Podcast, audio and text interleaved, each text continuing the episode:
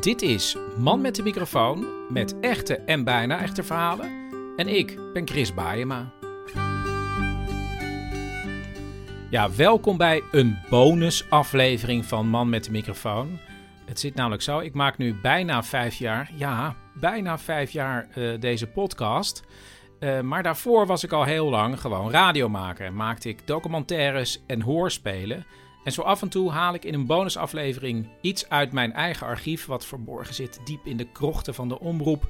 Maar het zou zonde zijn om dat niet af en toe naar boven te halen. En uh, zoals jullie weten heb ik in de eerste lockdownperiode heel veel rondgefietst met mijn zoontje Wiek van vijf in het centrum van Amsterdam, omdat het daar zo mooi stil was. En dan kwam ik heel vaak uh, langs Café Brandon. En what the fuck is dit? De buren gaan boren. Ik kom zo terug. Oh, nou. Oh, gaan ze weer boren? Nou ja, we kijken wel hoe ver we komen. Het is wel grappig dat ik het over stilte heb en dan gaan de buren boren. Um, ja, en dan zag ik, als ik daar fietste, dat café liggen. Uh, een heel oud café. En daar heb ik ooit, heel lang geleden, en ik heb even gekeken hoe lang geleden dat is, namelijk 17 jaar geleden, in 2003, heb ik daar voor de VPRO Radio een documentaire over gemaakt. Omdat ik toen in die tijd uh, langs het café fietste en dat was gesloten. En dat was al heel lang gesloten. En er zat een, bordje, uh, lag er achter het raam, uh, waarop stond niet te koop of te huur. En toen ben ik gaan kijken wat het verhaal daarachter was. En dat kun je nu weer gaan luisteren. En het is eigenlijk een bonusaflevering in twee delen. Ik laat je nu de documentaire horen. En dan kom ik nog even later terug met een tweede deel. Om te kijken hoe het nu met Café Brandon is. Maar ja, veel plezier met luisteren. Hoek, Keizersgracht, Leliegracht. Daar ligt Café Brandon. Midden in het centrum van Amsterdam. En zolang ik in deze stad woon, en dat is toch al meer dan tien jaar, is het al dicht. Ik heb ooit wel van mensen gehoord die het wilden kopen. Het schijnt dat de eigenaren erboven woonden, maar die zijn inmiddels overleden. En nog steeds staat er op een leibordje niet te koop of te huur. En als je door de gordijnen kijkt, die verkleurd zijn, dan zie je een klein café met een ouderwetse biertap. Er staan nog volle flessen wijn. En daarachter is een klein zaaltje met een biljart en tafeltjes en stoelen. Een ouderwets café met schrootjes dat bruin is van de rook, maar toch en misschien juist daarom het meest gewilde café van Amsterdam.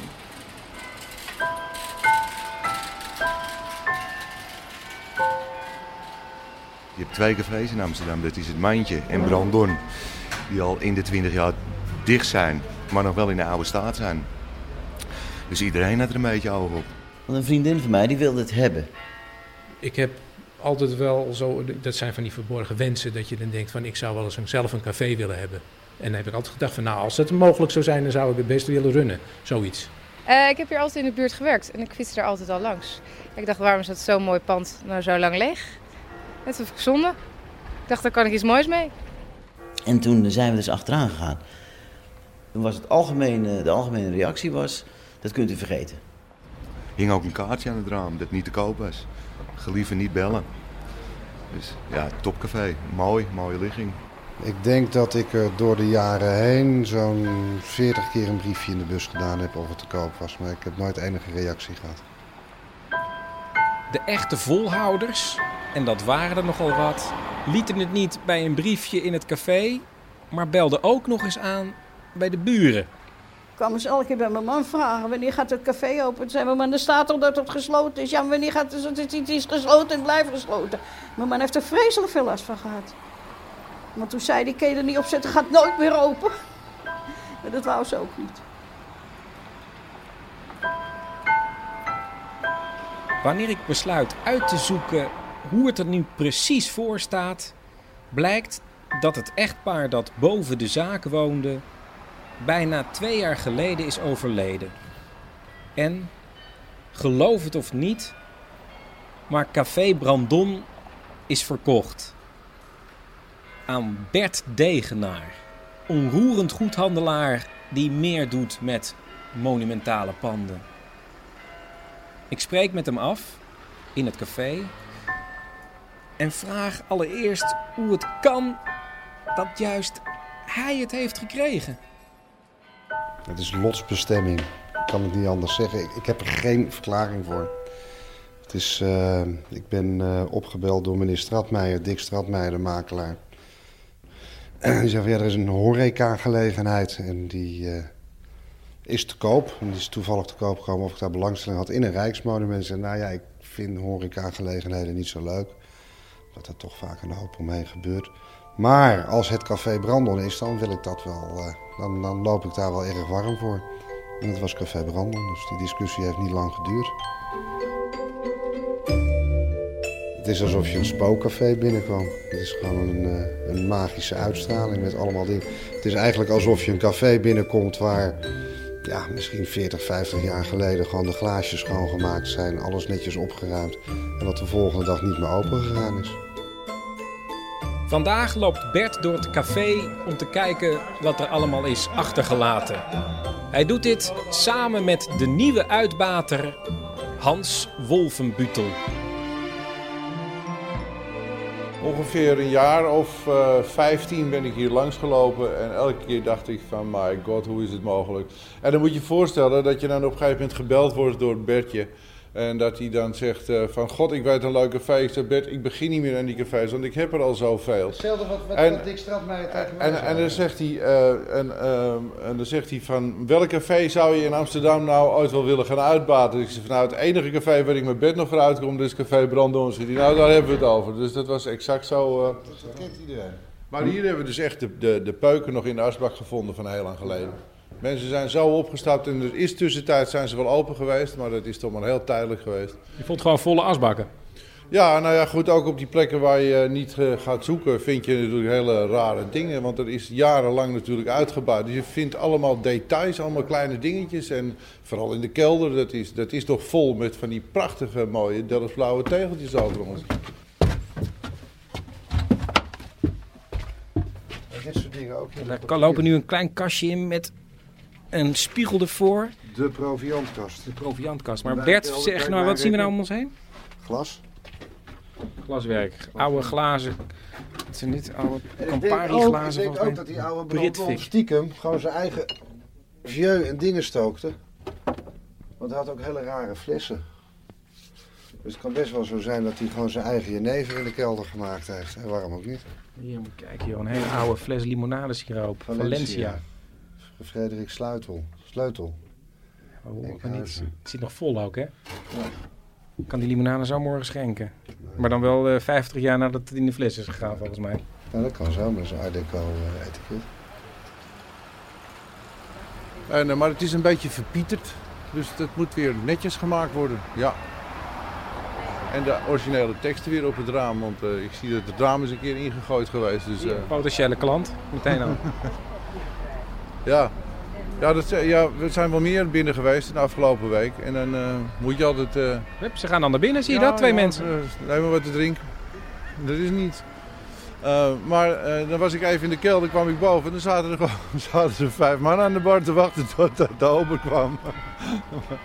Wel grappig hè, dat het zo'n zuigkracht heeft dat als je even de deur opent, dat er al mensen naar binnen komen. ja, ja, ja, ja. We hebben geteld, eh, we zijn hier op het stoepetje gaan zitten, een tijdje geleden. Gewoon eventjes, eh, en toen waren er, eh, ik geloof in een uurtijd waren er 65 mensen die we hebben moeten vragen of ze niet naar binnen wilden gaan.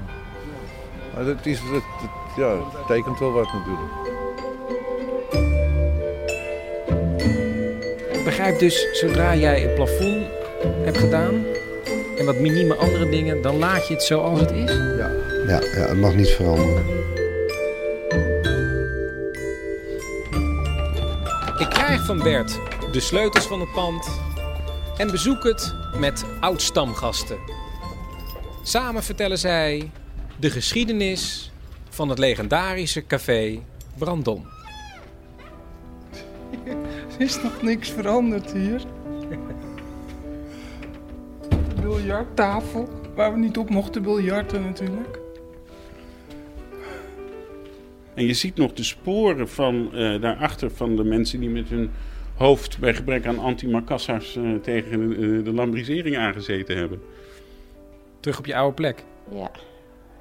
ja. En je vindt een klapblok op, het, eh, Ja. op de bar. Vroeger met eh, de biertjes en de consumpties. Heel oud en groezelig en nat geweest. Moet je kijken. Dat is van een heel jaar kan ik nog terugvinden wat ik ooit besteed heb. Moet je kijken. Het is eigenlijk of, net u- of je nu in een graftombe rondwaart eigenlijk. Dat is Erik goed. Ik kaartte altijd met Jan. Dit is Carl, die is ook al lang dood. Hier is 87. is inderdaad het een en ander veranderd. Ik bedoel, de ruimte als zodanig is nog hetzelfde.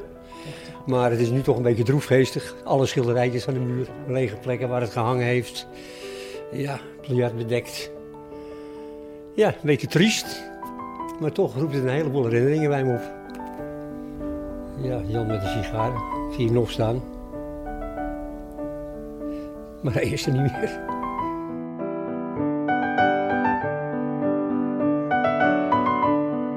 En dit café is al meer dan 150 jaar café. Hierachter in de winkel zie je, daar hangt een klein stukje van eh, een citaat uit een, een boek van eh, Justus van Effen.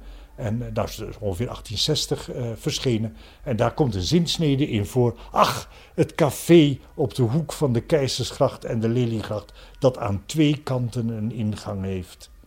Dus daar wordt het gewoon vermeld. Dat is dit, dat wordt vermeld. En dat is, dat is dus een hele oude traditie. Dat is leuk. Daarom is het heel fijn dat het weer terugkomt.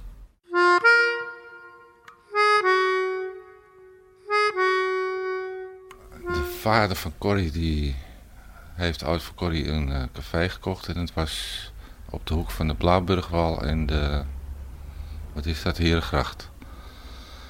En dat was net voor de oorlog of aan het begin van de oorlog. Maar die zaak die liep slecht. En eh, op een gegeven moment heeft toch de vader van Corrie toen besloten om eh, de huidige zaak op de Keizersgracht te kopen in 42. En ze hebben dat gekocht, zijn hier gaan werken. En een paar eh, maanden later is zo'n beetje de enige bom die in Amsterdam eh, gevallen is. Die viel op die plek, op dat café. Dus dat is toch een eh, gigantisch toeval dat, dat ze ja, gewoon hierheen verhuisd zijn. Want anders had het misschien niet eens overleefd. En Jan en Corrie waren net getrouwd en Jan was straatmaker bij de gemeente Amsterdam. Dat is een, een, een hele stevige sociale positie en, eh, en een vakman, jonge vent. Eh, en hij werd opgeroepen voor, eh, voor werk in Duitsland. En ze wilden hem daar naartoe sturen. En toen heeft oom Joop en, en Jan, ze hebben zo en zo gedaan. Oom Joop was al wat ouder hè, en dat, hij kon niet gemist worden, want hij was eigenlijk de enige man die het werk kon doen in dit bedrijf. Dus hij was kostwinner voor de, die oude mensen en voor zijn eigen vrouw en hij. Dus nou, dat is gelukt en daarom is hij... Maar toen moest hij natuurlijk wel ook daadwerkelijk in dat café gaan staan. En daar is hij toen nooit meer vandaan gegaan. Eh, in 1947 ben ik op de Leliegracht komen wonen. Naast het café Doornewaard toen der tijd. Met haar dochter en schoonzoon, die daar ook in huis waren, Brandon. En die schoonzoon stond achter de bar. En eh, de dochter hielp ook in het café. En pa en moeder rustten toen al zo'n beetje op hun lauweren. Ze deden wel wat mee, maar niet zoveel meer. Ze zaten hoofdzakelijk te kaarten. Nou ja, het was echt een bruin café, laat ik dat zo maar noemen. Bruin van de rook. Eh, en als, ik kon daar toen al slecht tegen. En dan zei ik tegen Jan... Hij had zo'n hele grote vin in die grote zaal waar het biljart staat. Mag dat ding niet aan, dat het wat van die rook afzuigt? Toen zei hij... eh, nee, dat doe ik niet. Ik zei, waarom? Je stikt hier. Toen zegt hij, dan drinken ze niet. Hij zegt, hoe meer rook, dan wordt hun keel droog. Hoe meer ik verkoop. Hij zegt, in een mooi café verkoop je geen borreltjes. Op één jaar na, 1959-60, toen besloten ze om wat rustiger aan te doen. En toen hebben ze het café verpacht aan een jonge, jonge echtpaar. gegeven moment werd Jan, ik denk dat hij zo'n beetje, ja, menopauze is, heb een vrouw, maar een man heb ook zoiets, heb die leeftijd eh, tussen de 50 en 60. En toen voelde hij zich helemaal niet lekker. Hij zag ook wit, hij werd mager, dat we vreesden echt het ergste hoor. Ik zeg, nou dat gaat niet goed met Jan. Nou, hij, wou, kon niet eens meer, had gezien meer in, om in de zaak te staan. En uh, toen hebben ze het verpacht aan een paar jonge mensen. En die hebben het, wat ik leuk vond toen, gemoderniseerd. Alles werd schoon en fris. Het bruin ging allemaal van de muren afgezopt en gedaan. En er werden wanden tegengetimmerd en weet ik wat. En de bar werd helemaal veranderd. En nou ja, ik, ik vond het prettig, want ik moest hier ook gewoon niet. Maar uh, ze deden vreselijk hun best, die jonge mensen. En in het begin kwam iedereen kijken wat met de zaak gebeurd was. Maar op de duur kwam haast niemand meer. Ja, toen ging ze café eraan naar beneden en toen knapte die op. En toen waren die weer terug. En ze moesten eruit, ze konden, want ze moesten de pacht betalen, ze konden het niet meer opbrengen. En toen heeft hij het weer helemaal in de oude staat gebracht. Want toen zit, zie je wel dat ik gelijk heb? Dat het een rookhol moet zijn, dat het bruin moet zijn van de ruik. Want deze mensen hadden het nou netjes en helder en leuk. En ze zijn failliet.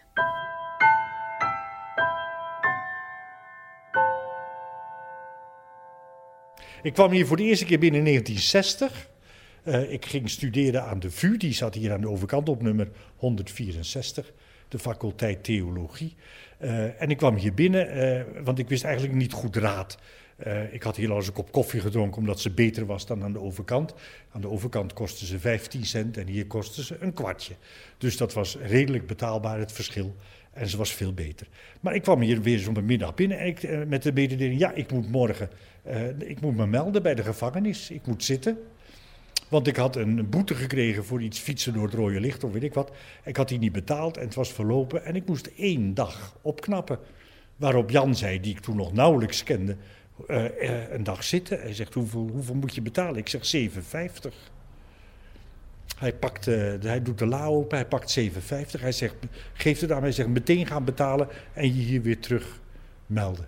Dus ik kreeg zomaar onbekend, kreeg ik 7,50 mee. Want op een of andere manier wist hij al van mensen die met die studentenwereld, die onderschatten dat allemaal. En straks krijgen ze last, want ze hebben in de gevangenis gezeten en weet ik wat. Dat gaan wij niet laten gebeuren. Dat was mijn, eigenlijk mijn eerste persoonlijke kennismaking met Brandon. Ik heb een foto meegenomen. En uh, dat is volgens mij toch echt wel een soort uh, dwarsdoorsnede van de harde kern van, uh, nou ik denk zo halverwege de jaren zeventig. Heel gemêleerd. Er zitten journalisten bij, er zit een kantoorambtenaar bij, er zit een schilder bij, er zit een arts bij. Ook als je, ik heb het zelf meegemaakt toen ik hier nog niet kwam. Toen werkte, dan werkte ik een eindje verder op de Keizersgracht. En ik woonde aan die kant op de Keizersgracht. Dus ik kwam hier langs. En dan lag hier altijd zo'n oude hond in het portiek. Maar dan zag het eruit zo, dan liep je niet zomaar naar binnen. Dat had iets van, die mensen die horen daar en jij bent een buitenstaander... en dan kun je niet zomaar binnenlopen. En toen kwam ik hier binnen en toen werd ik ook onmiddellijk aangekeken van een vreemde eend in de bijt. En dat kon helemaal niet. En dan ook nog een vrouw. En toen heb ik dus ook maar meteen gezegd voor wie ik kwam. Dat ik daar niet zomaar als wildvreemde binnenkwam. Maar dat heeft toch nog wel eventjes geduurd voordat Jan mij dan accepteerde. Want die vond dat ik brutale ogen had. En die bleef mevrouw tegen me zeggen de eerste tijd. en met Cor ging dat meteen veel soepeler. Uh, gewoon heel beleefd, meneer, mag ik van u een pilsje? Rustig gaan zitten, de kat uit de boom kijken. En of iets aardigs zeggen. God, wat een mooi licht dit café. Of uh, uh, hoe oud is dit café? Of nou zoiets. Iets heel beleefds, iets aardigs. En, en vooral niet met de klant iets bij de hand zeggen. En als je naar een vrouw keek, ook rechtsomkeer, kwam je er niet meer. Ja, nee, maar dat typeerde ze ook wel. Ik bedoel, niet iedereen uh, was hier welkom. Ik zal een typerend uh, voorbeeld daarvan geven. Uh, zo begin je in 70 jaar was de haardracht lang bij mannen. En op een dag had ik daar genoeg van. Ik was naar de kapper geweest en flink kort laten knippen. En ik bestelde een biertje. En ik, ik werd heel erg ja, afstandelijk, zo niet vijandig bejegend. En ik vroeg me af, waar heb ik dat aan te danken? Ik kom hier toch al vrij lang. En eh, toen eh, bestelde ik nog een biertje. Zei ik, Jan, mag ik nog een biertje? En toen keek Jan me ineens herkennend aan. En hij zei, godverdomme, Tom, ik denk, wat staat daar, daarvoor maffe mof. Dus hij had me niet herkend. En dat gaf dus aan hoe je wordt bejegend als je als onbekende binnenkwam als, eh, in beginsel. Namelijk niet vriendelijk. Je moest dus bewijzen dat je tot de gelukkigen behoorde die hier een biertje in ontvangst mochten nemen.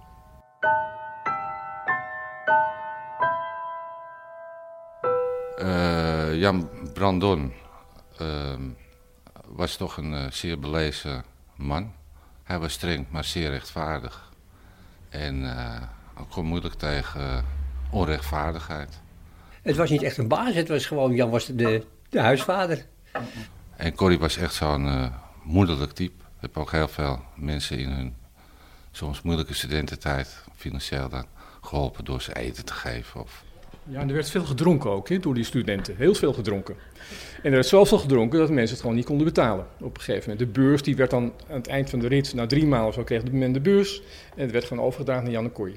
Nou, op een gegeven moment vakantie had, was er geen geld meer over. Dus men kon geen vakantie houden. Nou, dat ze echt te gek, en Kooi hoor. Van, nou jongens, jullie krijgen van mij geld om op vakantie te gaan. Dat was een gebaar iedere keer. Van nou ja, je verteert hier veel, maar wij kunnen ook wel een groot gebaar terugmaken. Van, het is te gek dat je niet op vakantie kan. Het was eigenlijk meer een veredelde jeugdherberg. Als ik terugdenk, is het een veredelde jeugdherberg. Met Cor als moeder der moederen. En Jan als strenge kastelein, want bij hem mocht niks. En, dat is ook wel een mooi verhaal, toen zaten we hier ook op een ochtend. En dan was het café nog dicht, maar de vaste klanten mochten dan al binnen. Dus ik zat er ook op een ochtend met, met Jan en met nog twee of drie mensen, dat weet ik niet meer. En toen klopten er twee dames aan het raam met een hoofddoekje op. En die wilden naar binnen om koffie te drinken. En Jan van nee, eh, gesloten en weg gaan we naar Max. Weet je, Max Corner. Ik kom met mijn met Brandon. Altijd even tikken, dan doen ze de deur open. Ze waren nog, smiddags gingen ze pas zo eh 12, half 1 op. Ik zeg tegen Ik heb, ik zeg, ik heb chance van Beatrix gehad. Ja, Rien, jij weer. Je hebt altijd verhalen. En Rien zei, kijk dan op de brug, er staat een groene Volvo met een AA-nummer. En Jan zegt, zal me toch niet overkomen dat ik de kroonprinses naar Max gestuurd heb? Was, waren dat die vrouwen met die hoofddoeken? Ja, zei Rien. Dus Jan, die had het niet meer. Die waren hier net aan de deur. Die vroegen, kunnen we koffie drinken? En toen zeiden we, nee, we zijn gesloten. nou, die dag, want dat is ook heel Jordaans, die zijn heel koningsgezind. Eh, Jan was en communist, maar hij was dus ook koningsgezind. Waren allemaal contradicties daar. Maar ze komen ook weer terug. Het klopt tegen het raam. Brede smile, steekt de duim op en die gaan weg. Jan had het niet meer. Maar het verhaal gaat natuurlijk de hele dag door de kroeg. Waarop de jongens van de HP of van de AVO, weet ik wie dat waren, zeiden van nou, dat is een mooie krantenkop. Rode kastelein weigert kroonprinses toegang tot café. Jan, wekenlang heeft hij bijna niet in de krant durven kijken. Dat hij toch bang was dat het er op een dag in zou komen. Dat wel van- Ik heb op het Ledenlyceum gezeten, op de Keizersgracht. eh tegenover de Westertoren. Eh, op de een of andere manier was de rector erachter gekomen dat leerlingen van zijn school hier in dit café eh, 's smiddags zaten. Tussen de middag en in tussenuren. En eh, hij vond dat niet goed. Maar wij waren toen al zo gewend hier en we vonden het zo prettig. En we vonden het gewoon ook leuk om bij oom Jan te zijn. Dat wij hadden zoiets van, ja, maar dat, dat pak je ons toch niet af. En ene ging er een soort vrijheidsgevoel eh, kwam er boven. Daar kun je nou wel vinden dat dat niet mag, maar wij gaan toch. En toen kwam er een leerling van eh, die school, van onze school, die kwam hier naartoe en die zei van, je moet onmiddellijk terugkomen, want de rector is des duivels. Wat, zei- wat zei oom Jan dan? Ja, Want die wist ook van de kwestie van- natuurlijk. Die zei toen van, blijf even een kwartiertje zitten, zei hij. Dan ga ik eventjes iets doen en na een kwartiertje ga je gewoon naar school terug. Dus na een kwartier zijn we terug naar school gegaan. En er stond die rector, die stond bovenop die trap, want je hebt dan er had zo'n grote eh, ingang, zo met zo'n grote trap naar boven. En hij stond daar bovenaan. Hij is stokstijf en lijkwit. Helemaal zo, helemaal verkrampt. En wij zijn gewoon langs hem heen gegaan. En hij stond daar. Hij zei dus niks. En verder hoorden we er eigenlijk niets van. En toen na een paar uh, dagen, toen zeiden we... Volgens mij kunnen we gewoon terug. En uh, toen zei oom Jan van, nou, hoe is het nou met die tiran? Want uh, het is gewoon een tiran hoor, die man die daar is. Ja, zeiden wij, uh, we hebben verder niks gehoord. Nee, zegt hij, dat klopt, dat klopt. Want ik zei, zei toch dat ik dat zou gaan regelen. En wij, van, wat heb je dan gedaan? Wat, hoe heb je het dan geregeld? Nou, zei oom Jan, ik heb hem gebeld. En ik heb gezegd, moet je horen, het is mijn café.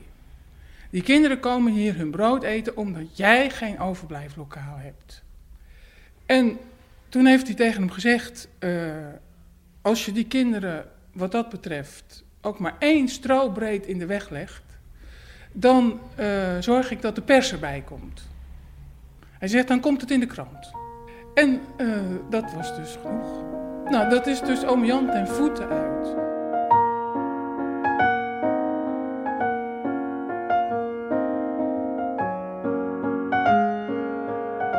Kijk, ik sta, we staan nou recht voor die, die grote, prachtige, trapsgewijs opgebouwde buffetkast achter Dominics. Hier speciaal natuurlijk voor gemaakt. Uh, het is geen, geen, uh, geen wereldstijl en kostbaarheid, maar het is wel heel karakteristiek. En dan zie je dat dat bovenste kastje in het midden, het hoogste, met dat deurtje, daarachter stonden verschillende glazen potjes op een bovenste plank.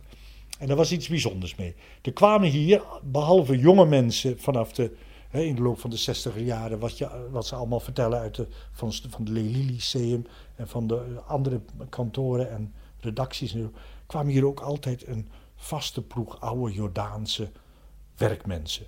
Een sigarenmaker, een, uh, uh, die, die al, wat we nu al zouden zeggen, die is ver met pensioen. Maar mensen bleven vroeger gewoon tot hun tachtigste doorwerken en sigaren maken. Een oude boekbinder, een oude coupeur, Kees, uh, de boekbinder, Engeltje. En, die mensen, die waren natuurlijk ja, heel afhankelijk van het sociale leven, wat ze dan na hun werk in zo'n café vonden. Maar die waren tegelijkertijd ook heel kwetsbaar. Want als ze borrel op hadden en ze gingen ergens anders naartoe, dan konden ze gemakkelijk worden uitgekleed. Nou, daar had Corrie een, een, antwoord op. En ze had dus glazen potjes daarin staan. Er stond een briefje op, Engeltje, uh, ome Gerrit, uh, enzovoort. En dan kwamen ze binnen vrijdags, hadden ze hun geld ontvangen. Dan gaven ze dat geld af aan Corrie. Dan rekende Corrie uit wat er in het boek stond van de afgelopen week. Dat werd afgehouden. De rest van het geld ging in dat glazen potje. Ze kregen gewoon weer geschonken wat ze bestelden. En als ze dan zei van ik ga naar huis of ik ga weg, dan kregen ze vijf gulden mee. En dan konden ze wat eten komen. En dat was een fantastische sociale instelling, waardoor die mensen, nou werkelijk, die nu misschien al lang in de goot gelegen hadden, toen jarenlang nog heel keurig en goed hebben kunnen functioneren. Nou, de zaterdag was altijd erg leuk, want dan ging het café om, om, om... Dan waren we er om tien uur en dan namen allerlei mensen hun kindjes mee. En dan had Corrie uh, in, het, uh, in het achterstukje had ze dan uh, flesjes appelsap neergezet en bakjes met um, tummetjes. En dan gingen al die kinderen daar spelen. En de ouders die zaten dan hier koffie te drinken. En dan zaten we cryptogrammen te doen. En dan kregen we van Jan en Tia Mariaatje bij de koffie. Dat was ook altijd zo ontzettend gezellig. Dus dat er nog niet mensen, zat mensen langsliepen natuurlijk. Ik dacht, hé, hey, leuk, café, even wat drinken. Maar die werden gewoon geweigerd. Die werden gewoon gezegd, nee, dat is besloten. En, dus die, die kwamen er niet meer in gewoon.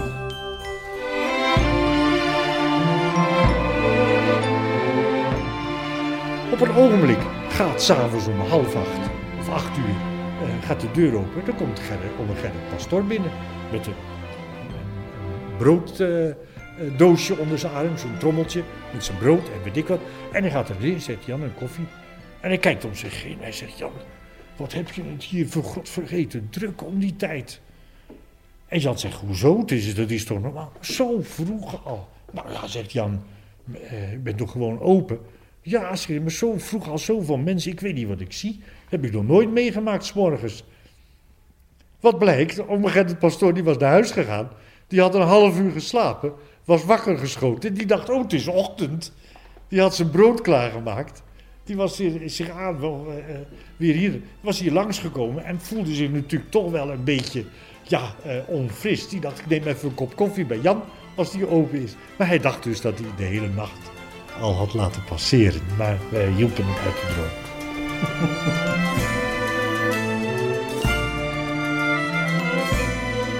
Ja, vanaf mijn middelbare schooltijd heb ik hier op de Lely Lyceum gezeten. En eh, ik zag hier het café staan en ik zag op biljart staan. Dat zag je meteen door het raam. En ik ging op een gegeven moment naar binnen toe. En toen zei Jan tegen mij, wat kom je hier doen? Hij zei, je mag hier niet binnen onder de 16. Ik zei, ja, maar ik wil graag biljarten. Hij zei, laat me zien wat je kan. En uh, nou, toen kon ik aardig biljarten. Zei hij, nou, in het volk mag je wel blijven komen. Uh, dan, ik weet, je komt alleen tot biljarten, maar je mag geen pils drinken. Alleen maar, alleen maar cola enzovoort. En vanaf die tijd ben ik er eigenlijk altijd gebleven. En uh, ja, een hele vaste stamvast gast geworden. En ja, we hebben heel veel met elkaar gedaan ook. Tot op een gegeven moment ik zo'n stamgast werd dat ja, Corrie en Jan op een gegeven moment ook donateur van Ajax werden. En ik regelmatig met hen voetballen ging en regelmatig ook bij hen thuis kwam eten. Op zondagavond na het voetballen ging ik mee erboven eten. Maar ze waren met heel veel mensen zo hoor, dat ze, ze hadden natuurlijk geen kinderen. En omdat ze geen kinderen hadden, was dit een soort huiskamer voor, voor de jongeren geworden. Maar waren het dan een soort ouders ook voor, voor jou? Nou ja, zo voelde ik het wel een beetje en ze voelden zij het ook. Het was heel opvallend. Uh, wij gingen dan uh, met z'n drieën naar voetballen. Jan, Corrie en ik. Maar mijn ouders gingen ook naar voetballen. Naar hetzelfde stadion. En dat, ja, we liepen naast elkaar, met z'n drieën. En, uh, en op een gegeven moment had je echt het gevoel van, nou dat zijn mijn tweede, tweede ouders geworden. En, we gingen ook alles samen kopen. Ik bedoel, er werd een, een, bankstel gekocht, maar er moest ook een stoel van mij gekocht worden. En dan ging, ging ik mee naar de meubeltoonzaal toe om dat te kopen. Dus was, ik, ik, was een soort aangenomen kindje op een gegeven moment. Ja. Kwam Rita in mijn leven en toen veranderde dat natuurlijk meteen. Want ja, ik ging niet meer met Rita meer naar Jan en Corrie op zondagavond. Ja. En hebben jullie elkaar ook uh, hier ontmoet? Ja, hier ontmoet. Ja, we hebben elkaar in het café ontmoet. Ja, maar dat komt ook omdat Corrie uh, eigenlijk zat te pushen dat wij samen nog een keertje naar een ander café gingen. Dat was echt een oude koppelaarster. Ja. En uh, die uh, zei, Joop, die vraagt of je meegaat nog naar een ander café. En eigenlijk is het zo gekomen. En dat heeft wat, wat afstand gegeven in de relatie. En, dat, ja, dat, en daar hebben ze het wel, heb ik het misschien ook wel een beetje moeilijk mee gehad. Maar zij een bijzonder moeilijk mee gehad. Dat op een gegeven moment, hun Joop was er niet meer op zondag. Omdat je geen echt kind was, kon dat ook makkelijker natuurlijk. Ja, maar het, het, heeft me af en toe wel wat pijn gedaan, moet ik zeggen. Want ze, waren natuurlijk, ze hebben ontzettend veel voor me betekend de hele tijd lang. En ik heb het toch... Ik heb het taproot verbroken, denk ik. Ja. Toen kwam jij ertussen. Ja, ja, ja, en dat hadden ze zelf veroorzaakt. Hè? Dat is nog het ergste natuurlijk. Toen Jan en Cor zo oud waren dat ze eigenlijk nog maar uh, verspreid door de week zo nu en dan een blokje uren open waren. Want daar hebben ze het nog heel lang mee volgehouden. Dan moest je precies weten, dat schema, wanneer ze wel en niet open waren. Dat, uh, en dan kon je altijd wel terecht. Maar op een ogenblik werd het te zwaar. Jan werd ziek, Jan kreeg ook last van, hij heeft een, een vreselijke keeloperatie gehad en een aantal andere factoren. Dat ze moesten daarmee stoppen. Maar ze hadden die ervaring uit 1960, dat ze daarboven woonden en elk geluid hoorden en elk geluid interpreteerden. En weer dachten we, oh dat gaat niet goed, oh dat gaat te lang, oh er breekt wat, oh uh, verkeerde mensen binnen, oh dit of dat.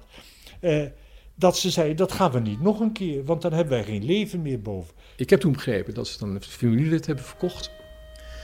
En dat familielid, een, een vrij gefortuneerde oom, dacht ik. En die, uh, daar, die heeft hem beloofd. Ja, onder voorwaarde dat ze er tot hun dood, dat we er allemaal mochten blijven wonen. Ook de, de, die er in de andere woningen en boven haar woonden, dat die allemaal bleven ze, want ze wilden gewoon de buurtje houden zoals het was. Hij heeft natuurlijk nooit gedacht dat mensen van 80 nog 10 jaar zouden leven. Die dacht, nou ja, dat uh, 1, 2 jaar misschien, dan is het gebeurd. Meer dat Jan toen al kanker had. We blijven boven het café wonen. En er komt niemand in het café. Dus het café gaat gewoon dicht.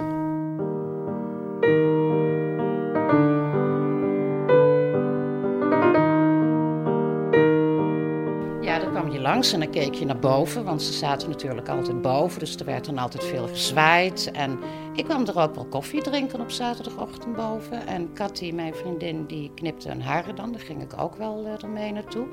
Maar ik ben tot het einde toe best regelmatig nog eens een kopje koffie boven gaan drinken of zo. Of je belde elkaar eens, want dan wilde je even weten hoe het was. En, uh, maar het ging nooit meer open? Nee. Vroeg je daarnaar dan? Nee, ik wist dat ze nooit meer open zouden gaan. En uh, nou ja, ik wilde hier ook niet over praten. Ik vond dat pijnlijk ook voor hun. En hè, ze zaten daar boven. En, en ja, god, het, uh, ja.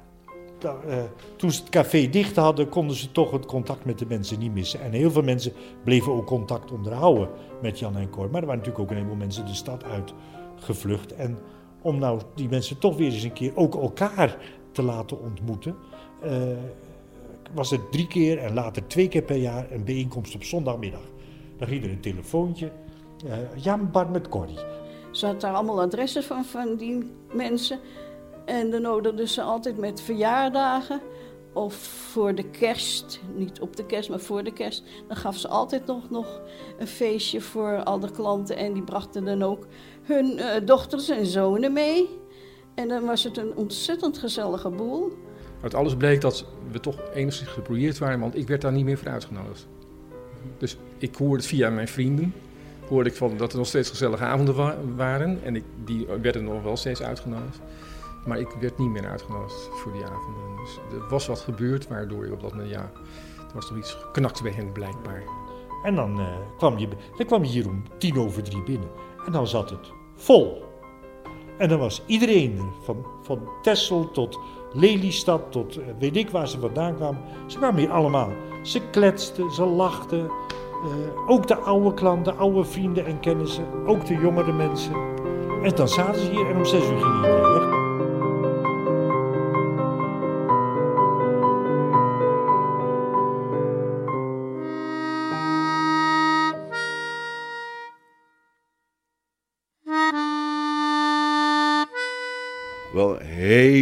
Begrafenis van uh, Jan. Schitterend. Die is echt een ontroerende begrafenis. Waar ook ongelooflijk veel oude klanten en, en van, van 20, 30, 40 jaar geleden nog uh, kwamen. En, en met een schitterend kerkhofje Vredehof. Waar ik voor het eerst Jan zijn broer heb gezien. Ik dacht eerst Jan is weer in leven gekomen, want die lijkt als twee druppels water.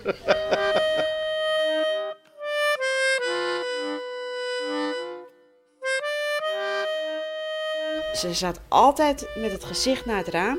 En toen hij overleden was, zat zij met de stoel en de rug naar het raam. En dan riep ik, Corrie. Corrie. Ja, omdat ik riep, keek ze dan even om. En dan was het zo'n treurig mens. Het was iets... Ze is echt weggekleind. Het is een half jaar later aan gestorven, maar echt van verdriet. Ja, dat was heel tragisch.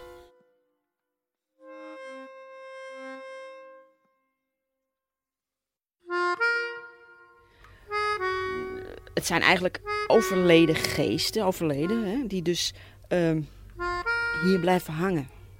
Niet doorgaan, niet overgaan naar het licht. Ja, toen ik daar de eerste keer in het café kwam, het was zo'n chaos, zo'n pokken binnen. Nou, dan zaten er een stuk of twaalf zaten er nog aan de bar. Oude klanten die daar gewoon nog blijven hangen, die overleden zijn. En uh, ja, die, die, die, die, die dolen rond gewoon. Tijd is er niet en uh, dus ja. Wat dat betreft is het natuurlijk fijn voor die mensen, van die entiteiten, dat het niet verandert. Nou, ja precies. Het is hun café en uh, wat moet je hier? Hun, hun, rust wordt verstoord. Zij kunnen gewoon hun gang gaan. En als er dan een, een, een, een, een aards iemand tussenkomt, ja, die gaat hun... hun uh, en dan lopen ze achterna van, uh, wat moet je hier? En rot op. En, maar, maar, wat zag je dan? Zag nee, zien, zien, zien doe ik niks. Zien doe ik niks. Maar je voelde wel mensen zitten? Ja, dat voel je. Dat voel je. Je voelt dat. Dat, is, dat kan ik niet uitleggen. Je voelt je dat je niet alleen bent. En ik kan hier dan niet lang blijven. Maar waar zitten die mensen dan? Nou, die, die, die, nou ze zaten dus gewoon aan de bar. Dus, uh, maar zitten ze nu, nu nog? Nee, nee, nu niet meer. Nu niet meer. Nee, nu niet meer. Ik heb het hier gezuiverd. Ik heb het ook toen uh, gefaxt naar Bert van... Uh, ik heb het café Brand... Brandon is het. Brand, dus aanhaken. Nee, Brandon schoon.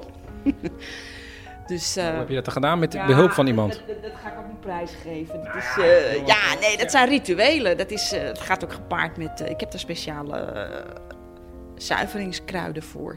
En een bepaalde spray. En dan, ja, dat doet dan zijn eigen werk. En dan merk je zelf of het... eh, je voelt dan een, een bepaalde rust. Oké, maar dus die zuiplappen zijn nu bij de bar weg, die geesten. Maar oom Jan en tante ja, Cor... oké, oh, ja, maar dat, kijk, dat zijn toch... eh, die horen hier. En die zijn, die zijn met het café verbonden. Dat is hun leven, was dat. Maar is het, bedoel, blijven ze hier nou eeuwig weer hangen, of niet? Nee, dat is niet de bedoeling. Ja, ze zijn heel benieuwd en spannend wat er nou met hun café gaat gebeuren. Kijk, als wij elkaar weer terugzien, zo de oude klanten, dan is het altijd leuk. En herinneringen ophalen, maar het is heel duidelijk iets wat geweest is. Het komt niet meer terug. Het is gewoon geëindigd. En dit kan best blijven zoals het is. Het is natuurlijk een prachtig cafeetje. En er zal altijd wel de geest van Jan en Cor in blijven hangen. Maar, maar het Brandongevoel, ja, dat is met Jan en Cor natuurlijk echt verdwenen. Dat, eh, die zijn er niet meer.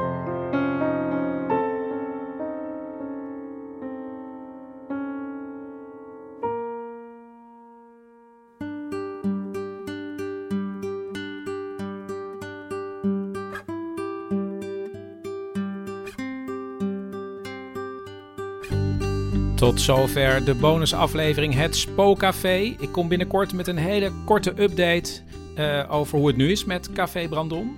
Man met de microfoon wordt gesponsord door Theater De Kleine Comedie in Amsterdam. En daar komt sowieso een kerstvoorstelling, hè? Dus kijk even op dekleinecomedie.nl voor kaartjes.